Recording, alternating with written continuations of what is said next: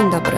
Zapraszam na podsumowanie tygodnia redakcji Euractiv Polska. Nazywam się Patrycja Goski. Razem z Bartkiem Sieniawskim opowiemy Wam, co działo się w tym tygodniu na świecie. Dzisiaj będzie między innymi o nowym marszałku Sejmu oraz o powrocie koronawirusa.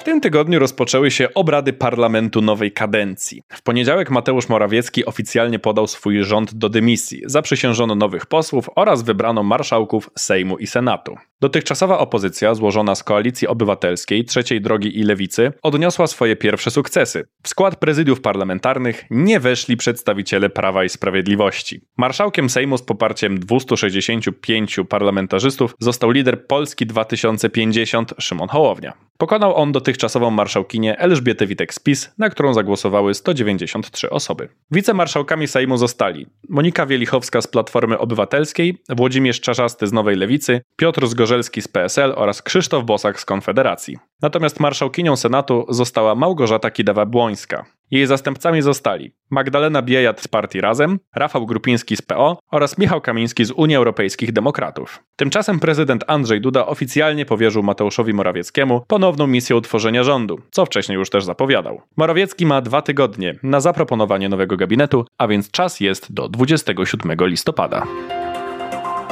Komisja Europejska planuje zatwierdzić w najbliższych tygodniach zmodyfikowany polski plan KPO z Repower EU, poinformowała nieoficjalnie agencja Bloomberg. Jeżeli rzeczywiście do tego dojdzie, Polska otrzyma setki milionów euro na transformację energetyczną. Po październikowych wyborach Donald Tusk zapowiedział, że Polska już w grudniu otrzyma pierwsze pieniądze z KPO. Jeśli doniesienia Bloomberga się potwierdzą, to scenariusz taki będzie realny. Uzyskanie zaliczki z programu Repower EU jest stosunkowo proste. Do jej uzyskania nie jest bowiem konieczne zrealizowanie kamieni milowych. Teoretycznie decyzja o przyznaniu środków może zapaść do końca roku. W praktyce jednak decyzję o tym podejmie Rada złożona z ministrów finansów, która po raz ostatni w tym roku zbierze się 8 grudnia. Brytyjski premier Rishi Sunak podjął decyzję o zdymisjonowaniu kontrowersyjnej ministry spraw wewnętrznych Swelly Braverman i zastąpieniu jej dotychczasowym ministrem spraw zagranicznych Jamesem Cleverlim. Na jego stanowisko wskoczyła natomiast dobrze znana w brytyjskiej polityce postać. Na spotkaniu na Downing Street 10 powróci były premier Wielkiej Brytanii z ramienia konserwatystów David Cameron. To interesująca decyzja Sunaka, który zaprosił do rządu byłego premiera kraju od lat nieaktywnego politycznie. Cameron w 2016 roku ustąpił z pozycji brytyjskiego szefa rządu po tym, jak Brytyjczycy zadecydowali w referendum o wystąpieniu z Unii Europejskiej, czego Cameron był przeciwnikiem. Jego powrót do rządu ma być ukłonem Sunaka w stronę umiarkowanego skrzydła partii konserwatywnej, rozdrażnionej już twardogłową postawą Swelly Braverman, długo tolerowanej przez aktualnego szefa rządu.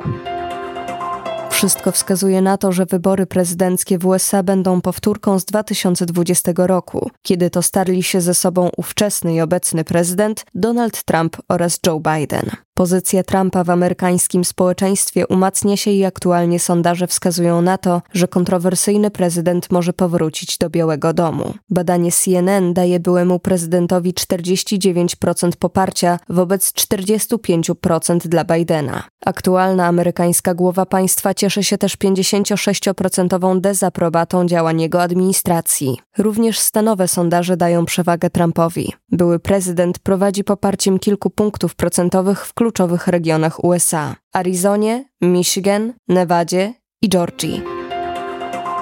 Nasila się spór o to, czy złożona przez Unię Europejską Ukrainie obietnica przekazania jednego miliona pocisków artyleryjskich do obrony przed Rosją jest możliwa do spełnienia. Minister obrony Niemiec Boris Pistorius wyraził 14 listopada zwątpienie w to, czy uda się przekazać Ukrainie aż 1 milion pocisków przed marcem przyszłego roku. Jego zdaniem cel ten od początku był nierealny, a podjęte w tym celu działania okazały się nieskuteczne. Wskazał, że przekazane już 300 tysięcy pocisków pochodziło głównie z zapasów wcześniej zgromadzonych przez państwa członkowskie. Wsparł go też wysoki przedstawiciel Unii Europejskiej do spraw polityki międzynarodowej i bezpieczeństwa Josep Borrell, który stwierdził, że opóźnienia w dostawach do Ukrainy to nie skutek zbyt małych mocy produkcyjnych, ale priorytetów europejskich firm zbrojeniowych, które po prostu wolą pociski sprzedawać innym państwom.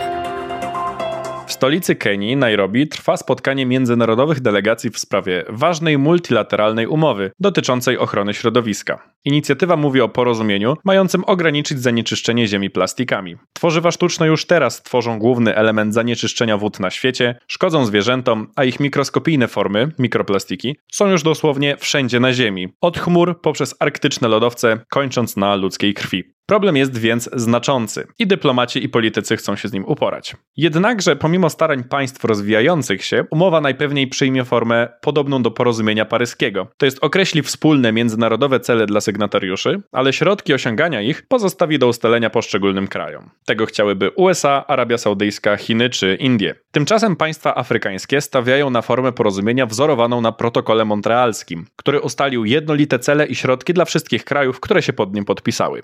Przełożyło się to na znaczną skuteczność umowy podpisanej w Kanadzie w latach 80. Kenijskie porozumienie plastikowe już nazywane jest najważniejszą umową ekologiczną od klimatycznego porozumienia paryskiego. Prawodawcy chcieliby, aby gotowe było do końca 2024 roku.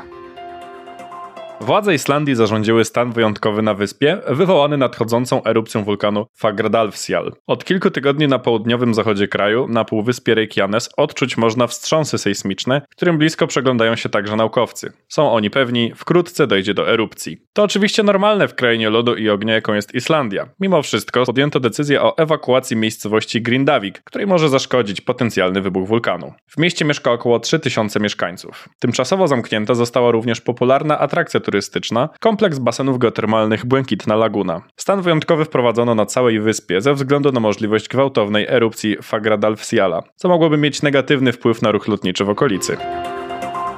W Polsce odnotowuje się rosnącą liczbę zakażeń koronawirusem. Eksperci apelują o stosowanie maseczek oraz poddawanie się szczepieniom. Zalecają też powrót do dezynfekcji rąk i zachowania dystansu. Polska i Węgry jako jedyne państwa Unii Europejskiej nie udostępniły jeszcze zmodyfikowanej wersji szczepionki przeciw COVID. Ma ona dotrzeć do naszego kraju dopiero pod koniec miesiąca. Z najnowszego raportu zakażeń z 9 listopada wynika, że na 2803 wykonane testy aż 1211 to testy z wynikiem pozytywnym, czyli prawie co druga testowana osoba otrzymuje wynik dodatni. Lekarze wskazują, że u większości pacjentów przebieg infekcji jest stosunkowo łagodny, ale ostrzegają, że nie wiadomo jaki będzie kolejny wariant. Obecnie koronawirus daje objawy grypopodobne: katar, drapanie w gardle i niezbyt wysoka temperatura. Znacznie rzadziej pacjenci zgłaszają również bóle mięśniowe czy utratę węchu i smaku.